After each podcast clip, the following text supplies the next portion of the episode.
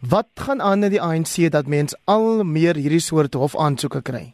Wel, Hendrik, as ons net so 'n paar maande terugkyk en ons kyk wat gesê is by die nasionale algemene raadsvergadering in terme van die diagnostiese verslag en ons kyk na wat onlangs gebeur het in KwaZulu-Natal, maar ook in 'n sekere sin die Wes-Kaap, die Noord-Kaap, die Vrystaat wat 'n onvermoë het om 'n konferensie te lewer en ook dele van Noordwes dan moet ons baie duidelik sê hier is groot uitdagings vir die ANC. Dat ons nog nie eers by die Oos-Kaap wat die slegste uitkoms tot dusver gelewer het en waarna jy verwys het nie. Maar die groot vraag nou is, gaan daar 'n nasionale konferensie wees einde van hierdie jaar en indien wel gaan dit 'n vrye en regverdige uitslag lewer sonder konflik, geweld en of hofsaake. En my indruk is die ANC staan voor sy grootste uitdaging in ten minste die laaste 105 jaar. En die scenario waarmee ons tans werk, is dat die ANC ernstig verdeeld en selfs gebroken uit so 'n nasionale konferensie kan kom. So die uitdagings is groot en die krisisse lyk of dit net besig is om te verdiep en die Oos-Kaap is maar een omgewing waar hierdie tendens baie sterk manifesteer. Verduidelik vir ons waarom jy sê dat die groot vraag is of die nasionale konferensie einde van jaar sal plaasvind. Heinrich, as ons kyk wat in die taklyne gebeur, daar's probleme op takvlakke in die ANC. Hulle kry nie behoorlik hulle afgevaardigdes aangewys nie. Die distrikte is gedisorganiseer. Ons weet op die oomblik het uh, KwaZulu-Natal nie 'n wettige verkose provinsiale uitvoerende komitee nie.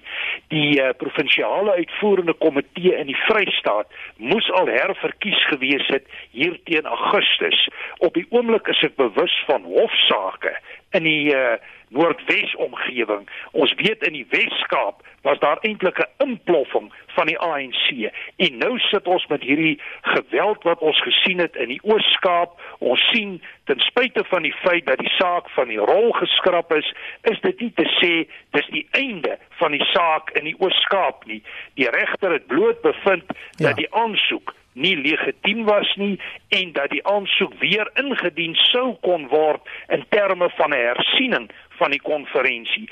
In daai sin is die ANC organisatories, bestuursmatig en ook vanuit 'n regeringskundige oogpunt nie gereed vir 'n konferensie nie. Natuurlik sal dit weer verrykende implikasies hê, want dit gaan nou weer ander kragte en magte binne daai struktuur laat ontketen, maar my indruk is dat dit vir die ANC op die oomblik 'n groot risiko is om 'n konferensie te hou einde van die jaar en indien hulle wel 'n konferensie hou, is dit hoogs waarskynlik dat die uitkoms selfs 'n meer verdeelde ANC tot gevolg kan hê. Professor Dievenage net uh, kortliks oor hierdie ene want ek het nog so twee vrae vir u. Wat sou u sê beteken dit dat president Zuma nou self regsadvies ingewin het oor hoe 'n opvolgkonferensie in KwaZulu-Natal vinniger kan plaasvind?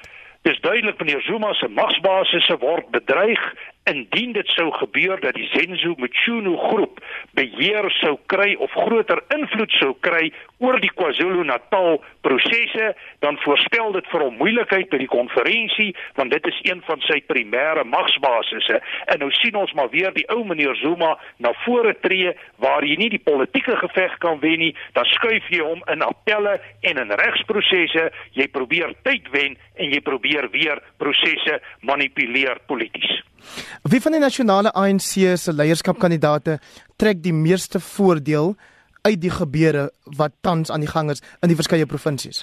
Wel, ek dink as ons kyk, dit verskil van omgewing tot omgewing. Ek dink wat op die oomblik in die Oos-Kaap gebeur het, is ongetwyfeld tot die voordeel van meneer Cyril Ramaphosa. Wat in die Noord-Kaap gebeur het, ook ten gunste van meneer Ramaphosa. Ek is bereid om te sê dat hier op talle vlakke en omgewings is daar op die oomblik voordele vir meneer Cyril Ramaphosa. En 'n mens kry die beeld dat die Nkosazana Dlamini Zuma kampanje is besig om 'n ernstige moeilikheid in te hardloop. Sy het gewoon nie die profiel en die politieke momentum om te kompeteer nie. Van daardie uitsprake en die berigte wat ons sedert die naweek sien dat meneer Zweli Mkhize hom kan herposisioneer ten opsigte van 'n potensiële stryd teen meneer Ramaphosa. Nou dis nie duidelik wat sy strategie op die oomblik is nie, maar wat vir my duidelik is, is dat Zweli Mkhize 'n baie sterker politieke kandidaat kan wees vorentoe as wat die geval is met Nkosazana Dlamini Zuma.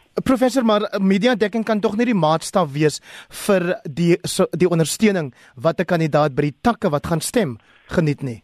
Kyk, ek dink nie die media invloed is 'n invloed, dit is 'n beperkte invloed, maar as ons nou kyk wie het gewen in die Noord-Kaap, dan is dit duidelik dis die Ramaphosa groep wat daar gewen het. As ons nou weer kyk na die uitspeel in die Oos-Kaap, is dit ook die Ramaphosa lyne. En dan weet ons in ander omgewings is daar ook sterk steun vir meneer Ramaphosa. Mens dink hier aan Limpopo, jy dink hier aan dele van Gauteng en so meer. So ek dink dit gaan oor meer as net die media beriggewing en die media beïnvloeding. My indruk is hier is werklik substantiewe momentum in die Ramaphosa kamp op die oomblik en dit is uh, kommerwekkend vanuit 'n Zuma oogpunt en van daardie tendens wat ek konstant optel dat waar die Zuma kamp in die moeilikheid is, lyk dit of daar politieke vuilspel is in terme van forme van geweld, manipulasie en intimidasie. Ja. Ons het selfs forme van sluipmoorde gesien in onlangse tye in KwaZulu-Natal wat 'n aanduiding is dat hierdie geveg besig is om al heftiger te word en dat geweld al hoe meer deel van die kampanje word. Professor my redakteur sê ons het nog tyd daarvoor dat u 'n ja of nee antwoord gee op die volgende vraag: Het die oppositiepartye die nodige skietgoed om voordeel uit hierdie moeilikheid in die ANC te trek? Nee, ek dink nie hulle het die nodige. Ja, maar baie baie dankie. Baie dankie vir jou tyd vanoggend. Professor Andre Dievenage is 'n politieke ontleder van die Noordwes Universiteit.